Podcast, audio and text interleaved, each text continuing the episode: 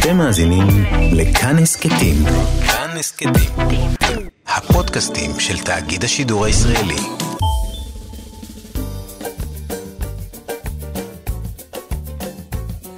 שישים החדש, עם איציק יושע.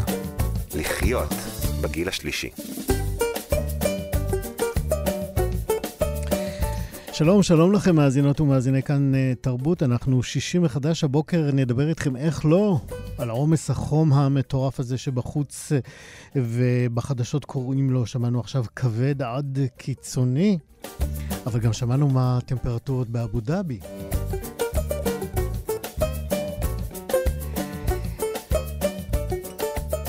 עוד uh, נדבר על החוסן הנפשי של... הזקנים לקראת האפשרות שתהיה מלחמה נוספת, מתישהו, בצפון או בדרום. במציאות הישראלית, אתם יודעים, זה לא ממש תרחיש דמיוני. עוד אה, ננסה היום להבין מה מרחיק את הסטודנטים בלימודי הטיפול השונים להתרחק מעבודה עם זקנים.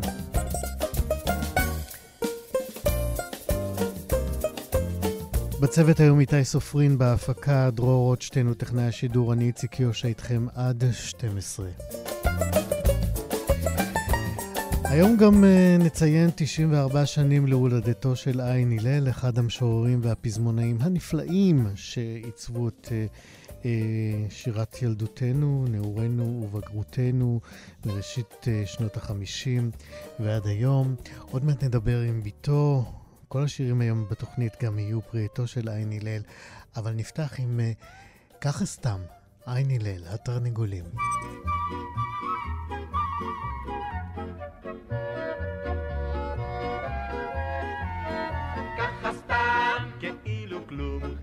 נדחפנו לכניסה, על הדלת שם כתוב דוקטור שין עצמון.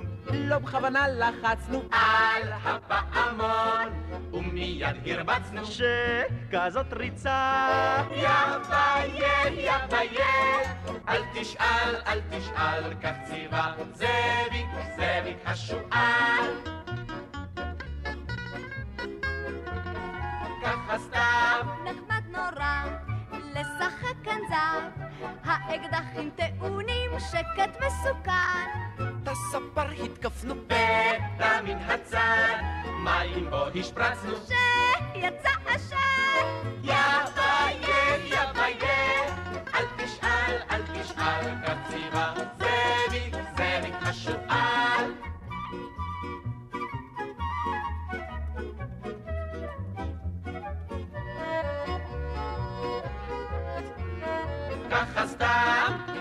לשם, הלכנו לגינה, לא ראינו שום אחד, רק המנייה. את ראשה קיצרנו בחצי שנייה, פתע אוי זכריה רץ מן הפינה. יא ביה, יא ביה, אל תשאל, אל תשאל, כך ציווה זאביק, זאביק השועל.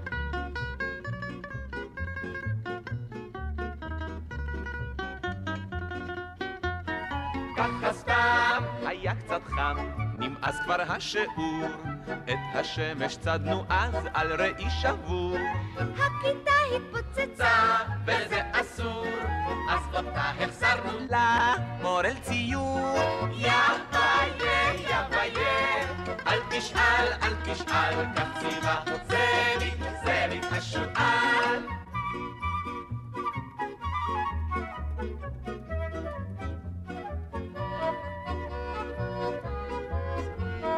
ככה סתם שוטטנו לנו בשדרות קק"ל, שם בחושך מתלחש זוג על הספסל. אל מתחת תחתיהם זחול נזחל, בצריחה קפץ הזוג אולי נבחן. יא ביה, יא ביה, אל תשאל, אל תשאל, כך ציווה זאביק, זאביק השועל. אוי נורא נחמד. נורא. אוי זאת תרצה המורה. איזה יופי, ככה סתם, אה, עין הלל, השיר הזה שפתח את התוכנית שלנו, הוא אחד השירים שאולי אה, באמת אה, מיטיבים אולי למקם את עין הלל כיוצר של ילדים, של מבוגרים שגדלים איתו, וככה כשהם גדלים הם הופכים, היצירה הזאת שלו הופכת להיות חלק ממחזור הדם התרבותי שלהם. בעצם זה איזה מין סוג של, השירים שלו, של עין הלל, הם סוג של אבן יסוד בדמות התרבותית שכל אחד מאיתנו מייצר לעצמו. אה, נדמה לי שכל מי שגדל בארץ הזאת אה, יסכים איתי. אה, אנחנו נזכיר רק רשימה חלקית של השירים אה, שלו שנכנסו ככה עמוק וגבוה. לקלאסיקה הישראלית, נזכיר את uh, מה עושים העצים, uh, יוסי ילד שלי מוצלח, מי יודע מדוע ולמה הזברה לובשת פיג'מה, דוד שמש ואנטנה, ושיר החתולים, ומרפסות ועוד הרבה מצוינים כאלה. אמ, לו הוא היה בינינו, עין הלל, הוא היה מציין החודש את יום הולדתו ה-94, וזאת סיבה ממש מצוינת להגיד בוקר טוב לביתו, טל עומר. בוקר טוב. בוקר טוב. מה שלומך? שלומי מצוין. נאמר רציתי רק... להגיד כן. שחוץ מזה שזה 94 שנים להולדתו, זה 30 שנה למותו, ש... שזה היה אה, ב... לפני חודש. אז uh, הנה, כן, אז אנחנו כן. באזורים האלה. אנחנו מציינים כן. אותו. כך או כך. כן, לא, זה היותו. גם יותר נחמד, הציון יום הולדת. כן. בכל מקרה, כן. אה, רק נאמר שאת גם, שאת במאית ואת אה, כותבת וגם עובדת אה, בכנפיים, שזה מרכז אומנות רב-תחומי, שעוד מעט נדבר עליו קצת יותר. נורא מפתה אותי לשאול אותך היום, בימים האלה של, של קורונה, של חוויות אנושיות ש, שכולנו עוברים ולא הכרנו, חוויות של ריחוק חברתי, של, של בידוד. כמה זה מחזיר אותך אה, ליצירה של, אה, של אבא שלך, אה, אה, או לפרקים בביוגרפיה שלו? Um, אני רואה את הקורונה מאוד מתוחכמת, כי פוג... היא מאוד uh, פוגשת כל אחד בחלק של החולשה שלו. יש כאלה שהיא מתקיפה אותם בפרנויה, יש כאלה שבבדידות, יש כאלה אני חושבת שאת כולם זה מתקיף באיזו תחושה גדולה, אני לא מדברת בכלל גם פוליטית, באיזה מאבק מול חוסר אונים. ואני חושבת שאיפשהו מה שנורא אפיין את אבא שלי בכל הפרקים שלו, כולל אה, התקף לב ש... הבן דוד שלו, שהיה מנהל טיפול נמרץ בהדסה עין כרם, חשב שזה כבר סופו, הוא עדיין בחיות עצומה ובסקרנות עצומה התנפל על החיים בתיאבון רב ובשמחה. ואני חושבת שזה היה לו כבר מהילדות, כי פרק שלא ממש מסופר של הילדות שלו, זה זה שבגיל שנתיים היה לו שיתוק ילדים. עכשיו, בקיבוץ, כמו הקיבוץ של אז... כשהייתה כאן מגפת הפוליו בתחילת... לא, לא, לא? לא, לא, לא, okay. זה אוקיי. אפילו לא בטוח. אחר כך היה כאלה שהם חשבו אולי זה היה זריקה, זיהום, לא ידעו. אז החליטו שזה שיתוק ילדים. שנה הוא היה חבוש, הרגל שלו הייתה חבושה, והוא ישב לו לבדו, ילד בן שנתיים, כי אה, כך היה הנוהג שילדים מסתדרים. ו, ותהיתי על הילד הזה. הנוהג האכזרי הזה, את מתכוונת לומר. כן, הדבר הבודד הזה. כן. שנפש חיה לא מדבר איתו, אז הוא דיבר עם כל מיני, אה, שאל שאלות כמו מה אה, עושים העצים, ודיבר עם כל מה שהיה. אבא שלי היה הסקרנות הזאת שהניעה אותו כל הזמן. הוא הסתקרן, הוא הלך פעם עם חבר שלו, חנוך בר-טוב, וראה, כן, וראה כלב פול, פודל, אז הוא אמר לו, מי סרק את הכלב הזה? זאת אומרת, והוא גם היה סקרן לכל, אה, מה שנקרא, זקנים, נשים וטף, וכל חיה שהוא פגש, מנמלה ועד פיל. זאת אומרת, זה, את כולם סקרנו וכולם, עם כולם הוא דיבר. אז אני חושבת שזה התחיל. עכשיו, אני הייתי... את הסקרנות הזאת, אולי לא לכל נמלה, אבל לכל אדם, ולכל תופעה, גם בתקופה שיש מולה הרבה תחושה של חוסר אונים, אני חושבת שהסקרנות הזאת היא איזשהו דבר שמאפשר, איזה יד שמאפשרת לצלוח תקופות כאלה של uh, הרבה לא ידוע בהם. כמו הילד הזה בין השנתיים. לא ידע כמה זמן, אבל הוא התעניין במה שקורה. כן. מי ש... זאת אומרת, זה לא מי, אני, אני חושב שכל מי שגדל כאן, אין מצב שהוא לא מכיר לפחות כמה שירים של עיני ליל אביך. אמ, ובאמת, ממרחק השנים, כשחוזרים אל השירים האלה, אה, אני חושב שממש אפשר ללמוד מהם המון המון על, על הוואי של, ה, של, ה, של החיים אה, כאן בראשית ימי המדינה, או לפחות בעשורים הראשונים שלה, אה, על סלנג, כן. על שיבושי לשון. על... כן, תענוג גדול לשחק עם המילים בין הגבוה לנמוך, המילים אצלו משתוללות. סשה ארגוב אמר שהתענוג שלו היה שלעומת אלתרמן, שהמקצב שלו תמיד היה קבוע בשירה, mm-hmm.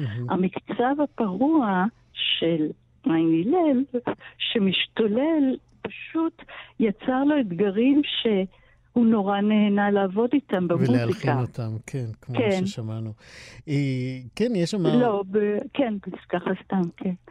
אה, כן. יש, אה, כשהתכוונתי לאהבה, אז נגיד בככה סתם, אז שם, לא בכוונה לחצנו על הפעמון ומיד הרבצנו שכזאת ריצה. זה, כן, נכון. קודם כל, זה, זה, זה מין שיגוע כזה שאני חושב שעבר מן העולם, אבל, אבל לא היה כן. מאוד מקובל לצלצל על פעמונים אה, של דלתות ולברוח, כאילו זה הדבר הכי מצחיק בעולם. אה, כן, אני חושבת שזה קיים, כי אני יודעת שהבן שלי עשה בדיוק אותו דבר. באינטרקום, באינטרקום. לא, לא, הוא ירד למטה במדרגות ולחצת על הפעמון של הדלת וברח. אה, כן. יש... נודע לנו רק כשראינו את הרופא שיניים רודף אחריו. כן. איזה עוד מהשירים אה, של אבא שלך, אה, עין הלל, את אה, חוזרת עליהם בסוג של געגוע, או כשאת... יש לו שיר נפלא כן. בסיבוב כפר סבא, ששם יש פשוט תענוג עצום של התפוזים שמתלוצצים אליו הלצות הלצות, ושהוא רץ עם שתי פרות, ויש חמור שהולך וחושב אידיוט, חושב אה, שהוא גדול, והוא אומר, צריך להיות חמור בשביל זה. זאת אומרת שהוא נהנה שהוא ב... בעדה, בסיבוב כפר סבא, נהנה מול הפריחה הזאת, מול העולם הזה.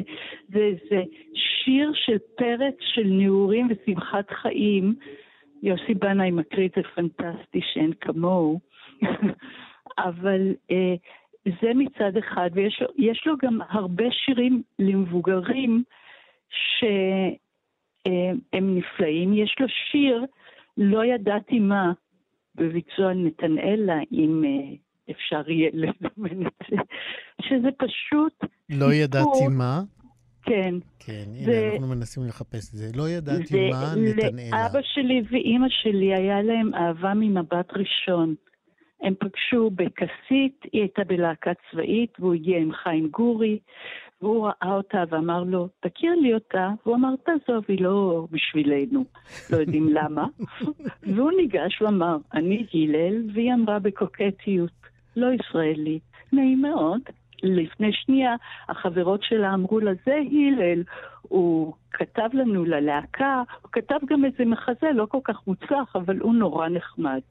היא כבר הכירה את הספר שלו, אה, ארץ הצהריים, שהוא פרסם בגיל 22 וכבר היה נורא מפורסם, והיה להם אהבה. ועל מותו, על ביתת מותו, הוא אמר לה, קרה לנו נס.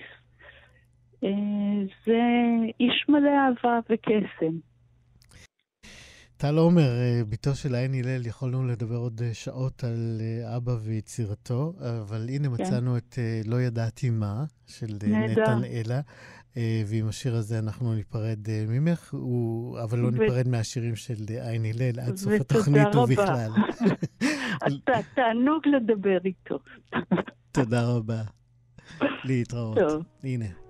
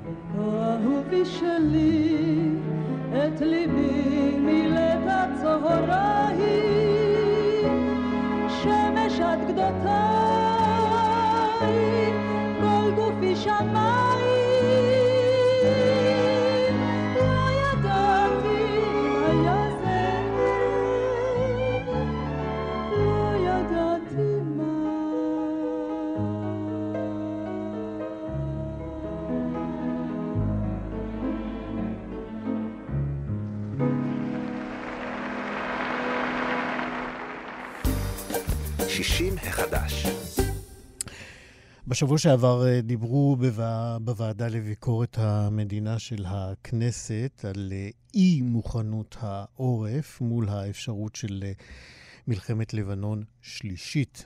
זאת אופציה שבהחלט מונחת על השולחן, ככל שמקשיבים למומחים בתחום.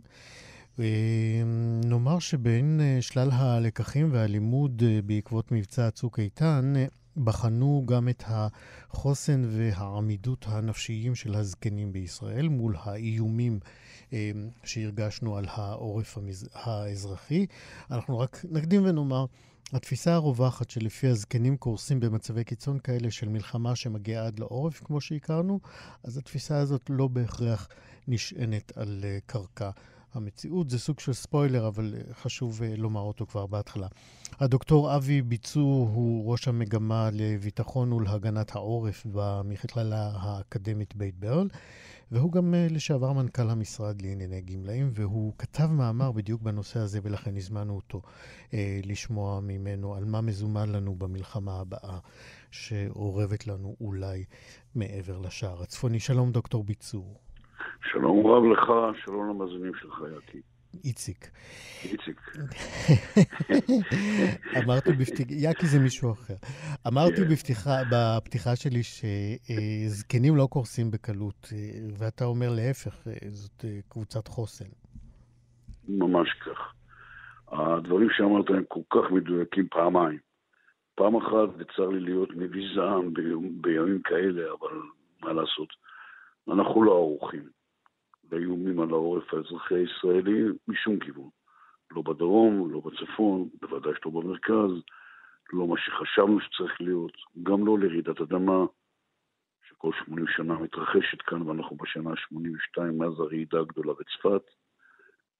ואתה אומר, אני חז- חייב להדגיש, אתה אומר את הדברים כראש המגמה לביטחון ולהגנת העורף. אה, באמת, אני ב- אומר את זה, ב- אני מחזיק בשני מקצועות, וסליחה שזה נשמע כמו איזה סיפור שחצני על הבוקר, זה לא הכוונה, אבל אני ראש לימודי הזקנה במכללה האקדמית בית ברל, מצד אחד, עולם הזקנה, הגרנטולוגיה, שהייתי מנכ"ל משרד הגמלאים, מצד שני, ראש המגמה לביטחון והגנת העורף, עולם תוכן אקדמי אחר לגמרי. אבל שניהם התחברו נהדר, במקרה של צוק איתן, שאותו הזכרת, איציק, ובאמת חשוב לדבר על זה. כי. קודם כל האיום קיים, ומה שעומד מולנו זה לא בשביל לשחק דוק, אלפי הטילים והרקטות וכדומה, בלי לספור בדיוק כמה ואיך, בסוף הם יגיעו למקום מסוים, והמקום הוא אנחנו. צריכים להבין את זה. לא להיבהל מזה, אלא להתכונן לזה, להיערך לזה. אין שום צורך לכתוב את התוכניות עבודה שלנו בדם, כמו שנכתב בכרמל. נציבות הכבאות הרי הוקמה כי היו הרבה מאוד נספים. אם היו מעט, אז לא היה, בוא נגיד את האמת. ופינוי המוני, למשל, מעולם אף אחד לא תרגל. אז מה אתם מספרים לי על פינוי? אז בוא נגיד שאנחנו לא מוכנים, אבל בתוך זה בולט חלקם של האנשים המבוגרים, או הזקנים, כפי שאמרת נכון. וזה מאוד עקרוני. למה? ההרגשה הייתה בימי צוק איתן, התפיסה הרווחת, הסטיגמה, שאם יהיה פינוי, לאוטובוס ירוצו. ובאמת, סליחה שאני נשמע כמו איזה מגדריסט שוביניסט, אבל אימהות עם הילדים שלהם טבעי, וזקנים. למה? כי הם חלשים, הם חוששים, הם פוחדים, ואותן מסקנות גם, דרך אגב, חשבו לגביהם לגבי הקורונה. ואיך התנהגו ואיך פעלו עד שיצא פרויקט מגן אבות ואימהות. מדהים. למה לא תופסים שהדברים הם בדיוק הפוך? למה אני אומר את זה כך, וביטחון כזה מחזק את מה שאמרת? למה? כי פשוט בדקנו את זה. אוקיי. מה עשינו? אני אסביר. מכללת ספיר יושבת בשדרות, אוקיי? עושה מזה שנים דבר שהיא קוראה לו אה, מחקר מדד החוסן של האות- אזרחי עוטף עזה, כן, אוקיי? כן. כלומר, מאשקלון אשדוד מעל הרצועה, וכל העוטף כולו, ובואכה באר שבע וכדומה, אוקיי? היא בודקת את העמידות, חסינות נפשית, יציבות, האימיוניטי והסטביליטי של חברה. האם החברה הזאת תעמוד? האם אנשי שדרות יעמדו, שכל הזמן נופלות רקטות וכדומה? מתי יהיה הנקודה של הקו האדום, חס וחלילה וכדומה, של משבר ושבירה? מתי? ומה הם מגלים להפתעתם? זאת אומרת, לגבי מתי יהיה לגבי האוכלוסייה הישראלית כולה, נראה לי כשזה, כשנהיה במלחמה כוללת. אבל אני לא חושב שתהיה שבירה. החברה הישראלית בנויה קצת מדברים ומחומרים אחרים ממה שחושבים מנהיגיה ואחרים. אבל עוד יותר בולט בתוכה החלק של הזקנים.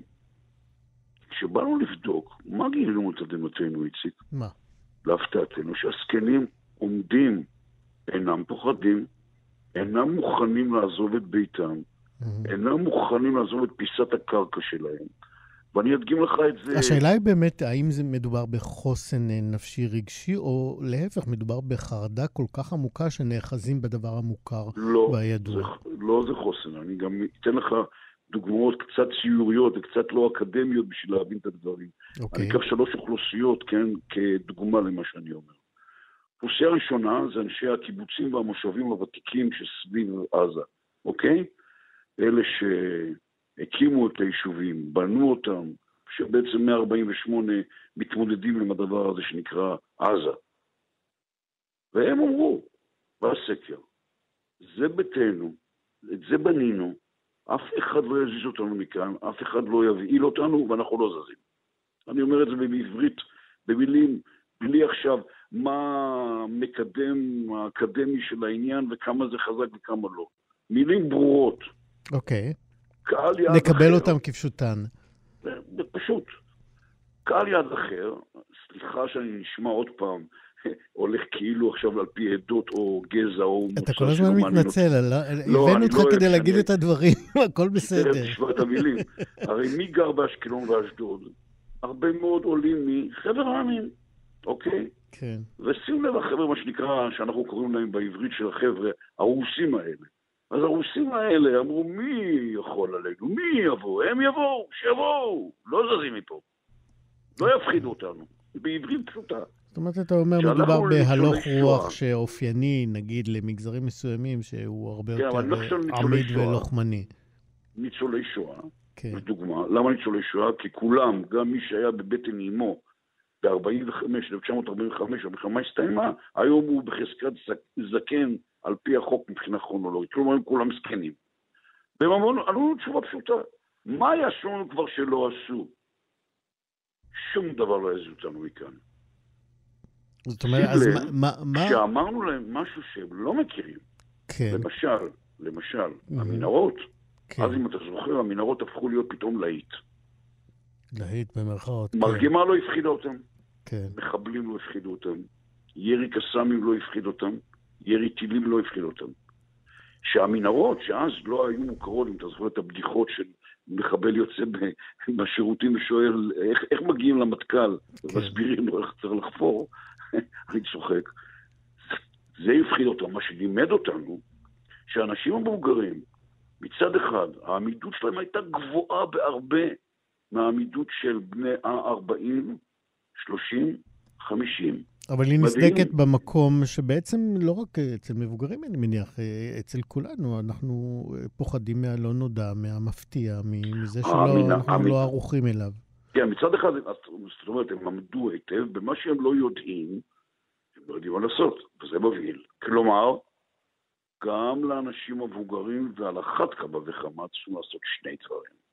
אחד, שב ותסביר להם בדיוק מה מאיים עליהם ומה עומד בפניהם חד משמעית. גם בדיורים המוגנים, גם בבתי האבות, אני לוקח את זה לימינו אנו, תסביר קורונה, קוביד 19, תסביר בדיוק מה יקרה, תסביר מי נגד מי. לו. היינו יודעים, לא כולם. יודעים, זהו שלא כל כך יודעים. מה שאנחנו יודעים. כלומר, אל, אל תנסה לעשות מצב שבו הם עומדים בפני דבר מאיים, כשהם מאחורי חומות של סגר כזה או אחר, שתכף אם תרשה לי לדבר עליו. מהצד השני, אם הם כל כך חסינים, זה לגבי המנהרות, אם אני לוקח את זה בפר, בפרפרזה לצוק איתן, אם הם היו יודעים על המנהרות, אז הם לא היו פוחדים מזה. לגבי העובדה שהתגלה שיש להם חוסן בעמידות, תגיד לי, איציק, כן, מיליון שלוש מאות חמישים אלף איש כאלה יש, אוקיי? נקה מהם נניח את אלה שחולים ואת אלה שמאוד זקנים. יש לך כמות אדירה של אנשים, מלח הארץ, ההורים שלנו, אלה שבנו פה את המדינה הזאת למען השם. בוא נשתמש בם, לא למען השם. למעננו. למעננו, למה? לחירום, להסביר, להכין. אני לא מצפה שהם יחפרו מקלטים. אני מצפה שהם יסבירו איך מתנהגים. אני מצפה שגם הם יקבלו משימות כי הם יעשו אותן, ובאהבה. למה אנחנו לא מבינים שיש פה קהל אדיר של ההורים שלנו, שעוד מעט אני מצטרף לקהל הזה בגילי, וזה קהל שיכול לתרום המון, הוא לא כולם חולים, לא כולם עם מחלות ריאה, ראה את הקוביד-19, לא כולם בני 90. שיהיו אז אתה. אומר, דוקטור ביצוק, אה, מה שאנחנו חוזרים ואומרים ונמשיך אה, לחזור ולומר, זה שלא צריך להכליל, זקנים הם לא דבר אחד, ולא. מקשה אחת, ולא גרסה אחת, והנה גם מחקרים מוכיחים- שכאשר בודקים אותם כמגזר, אז החוסן הנפשי הרגשי שלהם הוא עמיד וגדול ובולט ומשמעותי יותר. אפילו יותר מאשר אצל קבוצות צעירות שבדקו, נכון? תחשוב, אני חושב על הוריי, אוקיי? אני חושב שהם נולדו לדור מעברות. מה הם עברו? את מבצע סיני ואת ששת הימים ואת יום כיפור כשאני הייתי ילד. אז אתה אומר, וואלה, בוא'נה, האנשים האלה לא יעמדו, למען השם. למה אתה לא סומך עליהם? למה אתה לא מבין שזה מה שיקרה לך? אתה זה המנהיג עלום השם שאני מתייחס אליו הרגע בדברים שלי, אני לא, לא יודע. אני רוצה אבל- לקראת סיום, דוקטור ביצור, אנחנו צריכים אה, לסיים את השיחה הזאת. אני רוצה לשאול אותך, האם אה, אה, כמי שבא מהאקדמיה ולומד את התחומים האלה, הוא מלמד אותם, כמה קשב יש בחלונות של מקבלי ההחלטות לדברים שאתם חוקרים ומוצאים? צר לי, אני... מעט. הקשב, הקשב הוא לא רב. דוח מבקר המדינה לגבי התחום האחד שנקרא ביטחון והגנת העורף, שם אתה רואה את מסקנותיו ואתה מבין אותם, ותשמע, זה כבר נאמר בעשרות ועדות.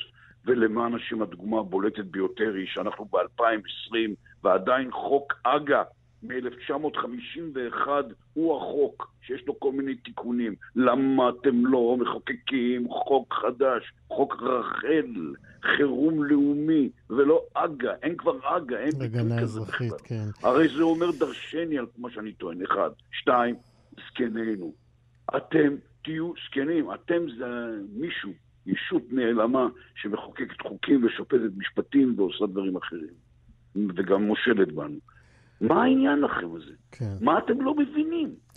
מה אתם לא מבינים רוצים נשים, להיאבק אה, בבדידות, כן. לא צריכים מתנדבים, צריכים ללכת למיליון נכון. 350 אלף הביתה. דוקטור ביצור. הביתה זה נקודה מצוינת אה, לסיים את השיחה. הביתה.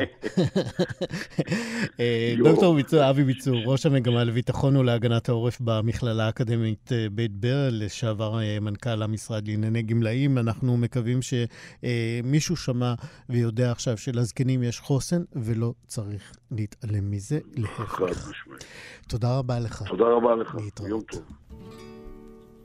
מי יודע מדוע ולמה לובשת הזברה פיג'מה?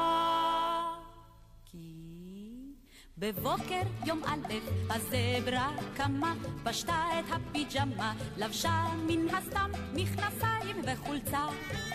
אך מיד הרגישה שאין היא מרוצה, מיהרה ולבשה פיג'מה, פיג'מה, פיג'מה, פיג'ה, פיג'ה, פיג'מה. בבוקר יום ב' הזברה קמה, פשטה את הפיג'מה, לבשה בשמחה את בגדי ההתעמלות. אך בואי דווקא במחלת העצלות, מיהרה ולבשה פיג'מה, פיג'מה, פיג'מה, פיג'ה, פיג'ה, פיג'מה.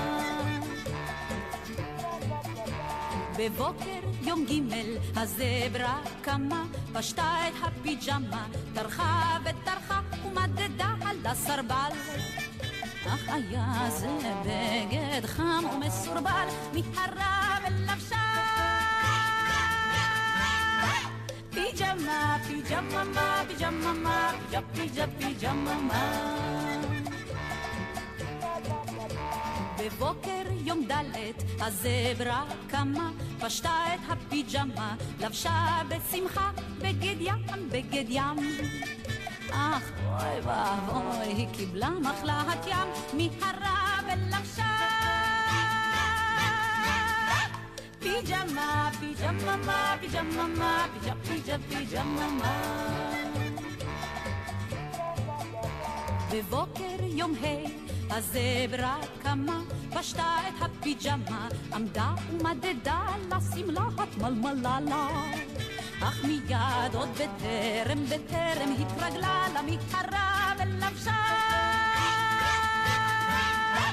פיג'מה, פיג'מה, פיג'מה, פיג'ה, פיג'מה.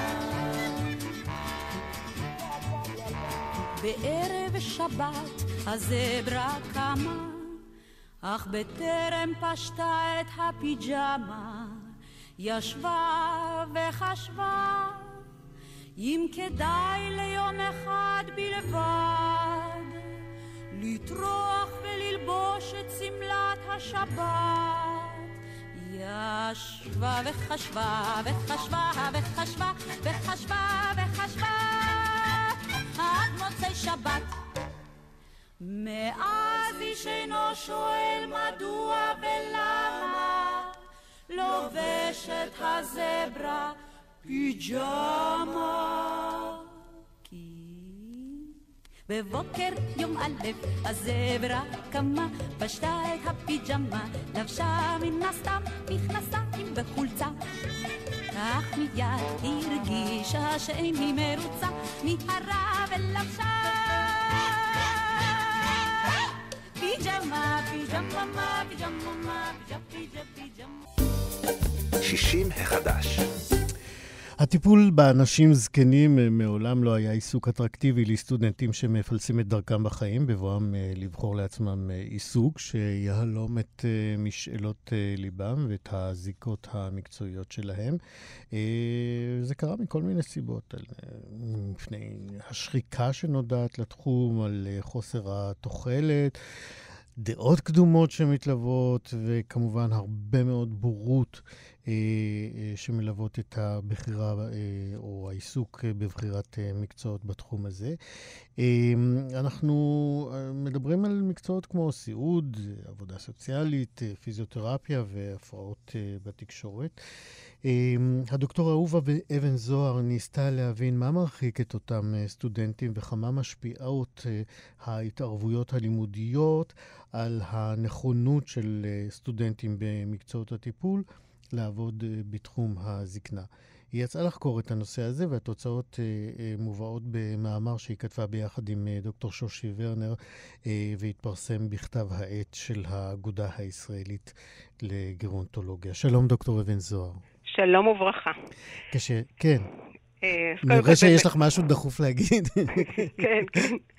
אה, קודם כל, אה, לאור ההקדמה שלך, אז אני רוצה באמת להדגיש, ערכנו את המחקר ביחד, דוקטור שושי ורנר מהמחלקה לסיעוד באוניברסיטת אריאל, ואנוכי מבית הספר לעבודה סוציאלית באוניברסיטת אריאל, ובאמת יצאנו לחקור את הנושא הזה, למה, ולהתמודד גם עם השלכות, כפי שנראה בהמשך, אה, אפילו אופרטיביות, אה, לגבי הנושא של המחסור, שבעצם די בולט בעובדים בתחום הזקנה. כן, רציתי אה, באמת לשאול אותך לתחילת הדרך, האם כשיצאת למחקר, האם חשבת שיש משהו לא נכון או לא מועיל או לא יעיל בדרך שבה מלמדים את מקצועות הטיפול האלה?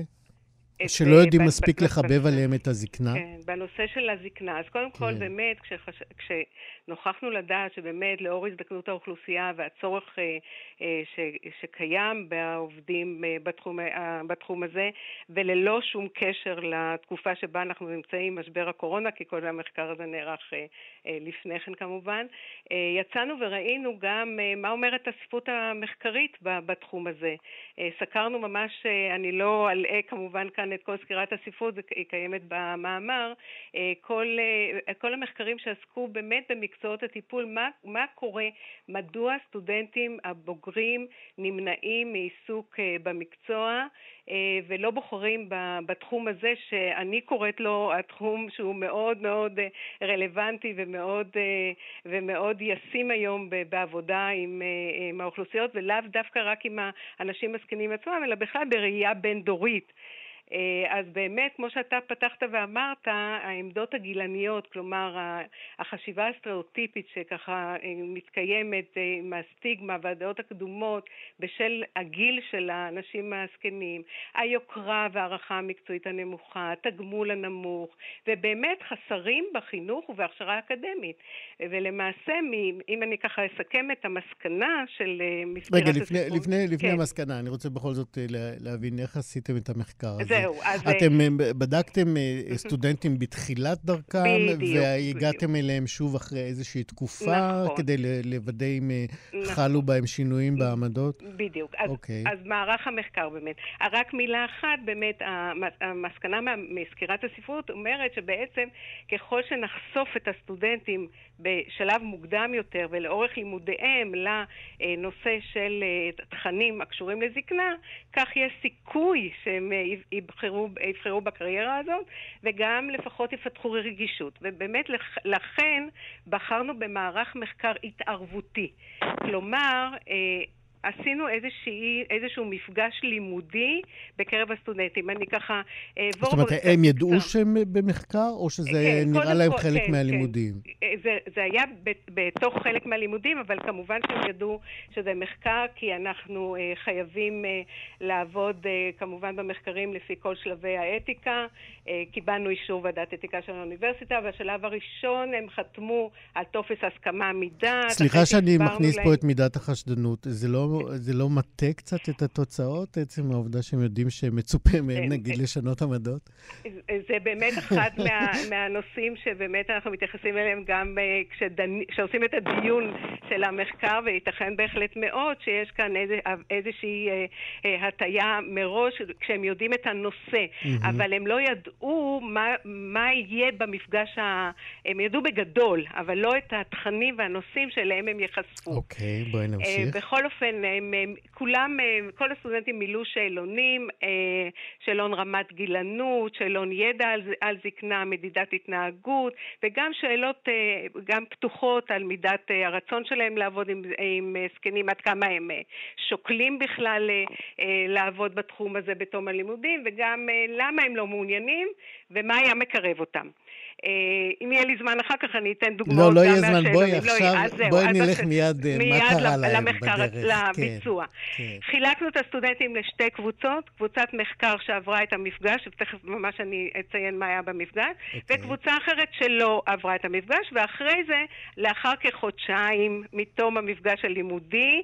מילאו שוב הסטודנטים את, אה, את השאלונים, וגם שאלון משוב, אלה שהשתתפו. עכשיו, לקחנו סטודנטים, כמו שאתה ציינת, סיעוד, עבודה סוציאלית, פיזיותרפיה, הפרעות בתקשורת, כשבעצם הם בשנה הראשונה, בסמסטר הראשון, בשנת הלימודים הראשונה שלהם, טרם הלימודים בקורסי, אה, בקורסים שונים בנושאי זקנה, כי יש אה, קורסים בנושאים האלה, וגם לפני שהם בכלל אה, עסקו בנושא באופן מעשי, לפני הפרקטיקה המעשית שלהם. מה היה במפגש הלימודי? עשינו בעצם שתי התערבויות. אחת, סימולציה, הפכנו להיות שחקניות, באיזשהו משחק תפקידים של טיפול של אנשי מקצוע באישה שחוזרת מאשפוז, והם גם צפו בסרט אה, שנקרא הזנחה מכל הלב, על אה, אה, הזנחת הטיפול של בת באימה הזקנה, תוך התייחסות להתערבויות עם, עם רמה ביקורתית בעצם של איך התערבו אנשי צוות טיפולים. פה היה הדגש, אחות ועובדת סוציאלית. רק לציין שהסרט הוא של אשל, ויש להם סרטים אה, ממש מצוינים שיכולים להעשיר את הידע של, אה, של כולנו בעצם, לא רק של אה, סטודנטים. זה מאמר מוסגר. כן. מה מצאנו? אני אה, עוברת ישר לממצאים שלנו עם התייחסות אה, ככה קצת של הסבר. אז אה, קודם כל שיערנו, ובהתאם באמת להעשרה, ראינו שככל שהידע על זקנה מועט יותר, כך רמת הגילנות גבוהה יותר. כלומר, הסטודנט, במקרה שלנו הסטודנטים, הם, הם מתייחסים ברמה גילנית גבוהה יותר, כלומר, הם יותר גילניים. אני, אני, אני רוצה להבין. אני רוצה, רגע, אני רוצה להבין, לדעת אם באמת הבנתי נכון. ככל שהם ידעו יותר ולמדו יותר, הם הפכו יותר גילניים? פחות. ככל שהידע מועט אה, יותר, לא, כי זה השתמע פתאום הפוך והייתי מבולבל לחלוטין. לא, ככל שהם פחות אוקיי. יודעים, פחות ידע, כן. מביא אותם לרמת גילנות כן, גבוהה יותר. זה רק סביר, אני כן. באמת את- אתן סתם דוגמה אחת מתוך השאלון, השאל, אה, בשאלון של רמת גילנות, מה בודקים, מה שואלים, מה ההיגדים. מהמם. אחד ההיגדים, אנשים זקנים מתלוננים יותר מאנשים אחרים. והוא מסמן בין אחת לחמש, כן? כן. אז ככל שהידע שלו אה, מועט יותר, ו- ומבחינת ידע, למשל, מרבית האנשים הזקנים מרגישים אומללים רוב הזמן. זה נכון, לא נכון, אני לא אכנס למדידה עצמה, אבל ככל שבאמת הוא יודע פחות, ככה הוא יותר גילני. זאת עכשיו, אומרת, ככל יותר- שהוא יודע פחות, בעיניו הזקן הוא אה, נודניק, אה, נכון, מתלונן. זה כל בדיוק, כל, כן. כן. כל התחושות וה, וההתייחסות הסטריאוטיפית השלילית. כן. ואותו דבר גם מבחינת רמת הגילנות, ככל שהיא היא יותר נמוכה, אז ההתנהגות החיובית כלפי הזקן היא יותר גבוהה. כמובן. ואז, מה זה התנהגות חיובית? הוא נהנה משיחות עם האדם הזקן וכולי. Uh, עוד דבר מצאנו, אני לא יודעת עד כמה אני יכולה להיכנס ככה לכל התוצאות, אבל יש לי כמה דברים שאני רוצה להדגיש. המשתנה הזה, רמת גילנות, כל כך משמעותי, שהוא בעצם גם מתווך את הקשר בין ידע לבין הרצון לעבוד עם זקנים, וגם לבין הגורם של האם אני שוקל לעבוד עם זקנים בעתיד, כן. בתום הלימודים. אז, כלומר, זה, אני... אז אפשר, אם אנחנו נסכם, בעצם אה, עצם הלימוד או ההתקרבות במהלך הלימודים והלמידה יכולה לשנות אה, עמדות, נכון. וצריכה לשנות עמדות. נכון. ואת אומרת, זה עליכם מוטל, המרצים, המורים, המלמדים. הנה, אה, הגעת כבר למסקנות. כדי נכון. להביא את הסטודנטים לשינוי העמדות. העמדות הגילניות נכון, האלה, נכון. ובכלל להתקרב לתחום הטיפול בזקנים. הדוקטור אהובה אבן זוהר, תודה רבה מאוד על השיחה. אני לא יכולה עוד משהו אחד להוסיף? קצר. קצר מאוד. מדוע אה, סטודנטים לא מעוניינים לעבוד בתחום הזקנה? מרגישה צעירה מדי, התחום גורם לי עצבות, המפגש עושה רע מכיוון שקשה לי, אני מרגישה חוסר אונים, כי בעצם אני נפגשת בדרך כלל עם אנשים זקנים עם בעיות כשאנחנו בטיפול, כן? מה היה מקרב? נקודה אחת אני אגיד, הקרבה שלי לבני משפחה בגיל הזקנה, הקשר שלי עם סבא וסבתא, mm-hmm. החשיפה שלי לתחום, גילו, גילוי עניין רב יותר. מה שחשוב מבחינה אופרטיבית זה לקרב מבחינה בין-דורית את הדורות. כי ברגע שאנחנו מכירים את האנשים הזקנים, והרבה מאיתנו בתחום הזה, בקבוצה הזאת, לא רק בת, ב, מבחינת הקשיים שלהם, לא רק מבחינת הבעיות שלהם, זה בהחלט מקרב. כלומר, צריך לעשות פה משהו מאוד מאוד הכללתי, שיתוף פעולה גם בין מרצים בתחומים שונים, ממקצועות שונים, וכמובן להרחיב את המחקר הזה גם למקצועות טיפול אחרים, כן. בבתי ספר אחרים, באוניברסיטאות אחרות, הדוקטור, ולעסוק בנושא. הדוקטור אהובה אבן זוהר, תודה רבה לך מאוד על השיחה הזאת. תודה רבה. להתראות. על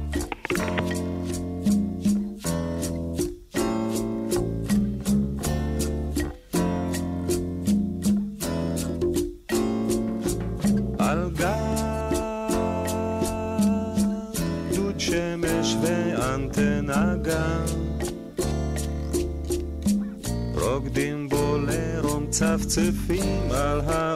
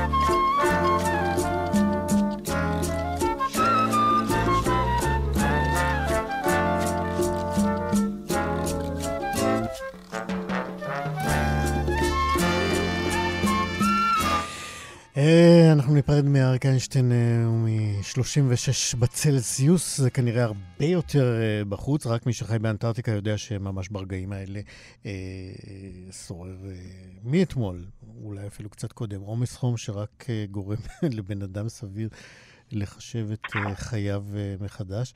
אה, נחום דוד הוא פרמדיק בכיר ומנהל מרחב לכיש במגן דוד האדום, ואנחנו ביקשנו, וביקשנו ממנו לבוא ולספר לנו איך כדאי לעבור את הגל הנורא הזה ולהישאר בחיים. שלום נחום דוד. שלום, צהריים טובים, רק לתקן, סגן מנהל מרחב לכיש. סגן מנהל? סגן מנהל. אתה נכון. בקרוב תהיה מנהל, אחרי השיחה הזאת אנחנו נעלה אותך לתפקיד. תגיד, מה העצה הכי טובה לקשישים וגם אה, לצעירים זה פשוט לא לצאת מהבית, או שיש לך עצות יותר מועילות? נכון שמרחב הנוחות הבטוח יותר לפעמים הוא דווקא במזג האוויר כזה הוא לשבת בבית. יחד עם זאת, לא תמיד הדבר הזה הוא מאפשר לנו, כי יש לנו גם סידורים וגם דברים שאנחנו מחויבים להם בחיי היום-יום. ומעבר לכך, אה, לשבת בבית, אה, אני לא חושב שאחרי תקופת הקורונה, שאנשים ישבו כל כך הרבה זמן בבית, טוב זה לא עשה בהכרח. אז אה, אני אתן כמה טיפים שהם כן חשובים, דווקא לגל החום, בגלל שיש לנו זמן מאוד קצר. אז ראשית, חשוב מאוד שאנחנו נהיה בתחת המזגנים בבית, אבל חשוב גם לדעת שמזגן הוא לא בהכרח לא מייבש אותנו. מזגן הוא אוויר יבש וקר. אנחנו חייבים, למרות הכל, שאנחנו יושבים תחת המזגן בבית, לדאוג לכך שאנחנו גם נשתה מספיק מים. איך אנחנו יודעים מה כמות המים שאנחנו בעצם, אם אנחנו שותים מספיק? זה בעצם להסתכל ולהביט על, הש... על צבע השתן שלנו. ככל שצבע השתן שלנו הוא בהיר יותר, כך אנחנו בעצם יודעים שאנחנו שותים דיו, ובמידה ולא, הצבע שלנו הוא קיי יותר. זאת אומרת, זה שאנחנו במזגן, זה לא אומר שאנחנו לא צריכים, צריכים להקפיד בשתייה, נכון? חשוב לזכור את זה. אכן כך. נכון שאנחנו okay. אוקיי. נתייבש פחות מהר מאשר אנחנו יושבים בתוך, uh, שמסתובבים בשמש, אבל יחד עם זאת, אנשים לפעמים נוטים לחשוב שאנחנו לא זה. עכשיו, דבר נוסף, uh, אנשים מבוגרים, מאוד מאוד חשוב שהילדים שלהם יקפידו ויביטו ויגיעו הביתה ויתעניינו וישאלו ולראות שהמזגן בבית עובד. שלא חסר שום דבר, ויש מספיק אוכל, ומים קרים, וכל הדברים שנדרשים. Mm-hmm. וגם שההורים שלנו לוקחים את התרופות בזמן ומקפידים על הדברים האלו. אני גם בא ואומר, לצערי הרב, אה, יש אנשים שהם עריריים בבית, והשכנים אה, לא תמיד אה, דופקים בדלת ולא שמים לב, ולצערנו הרב היו כבר מקרים לא מעטים ב, בגל החום האחרון. כן. שאנשים בעצם אז, נמצאים אז בבית. זה נכון זה... תמיד, אבל אה, בימי נכון. חום מטורף זה נכון שבעתיים, וצריך... נכון, לדפוק אה, בדלת, לשאול את השכן אם חסר לו משהו, אם הוא צריך משהו, כל הדברים האלה, הדבר הזה מאוד מאוד חשוב. כן. אם אנחנו צריכים לצאת, בעצם לעשות סידורים, אז חשוב מאוד שאת הסידורים שלנו, אנחנו דווקא נמצא את הזמן לעשות את זה בשעות הפחות חמות. זאת אומרת, עד 10 בבוקר, 11 בבוקר, או בשעות אחר הצהריים. יש המון אנשים אה, באוכלוסייה שאוהבים ללכת לים.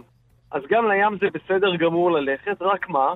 שני דברים חשובים, ראשית, אפילו שלושה דברים. ראשית, ללכת לחוף שהוא מוכרז, חוף שיש בו שירותי הצלה. הכי נכון זה ללכת לפני השעה 10 בבוקר או אחרי השעה 4 אחר הצהריים, כי אז עומס החום הוא פחות כבד, וגם חשוב בחוף הים גם לשתות הרבה מים ולמרוח קרם הגנה. נחום דוד, אה, פרמדיק בכיר וסגן מנהל למרחב לכיש במגן דוד אדום, עזרת לנו לעבור את התופת הזאת, חבל שהיא לא הורגת גם את הקורונה. תודה רבה על השיחה הזאת.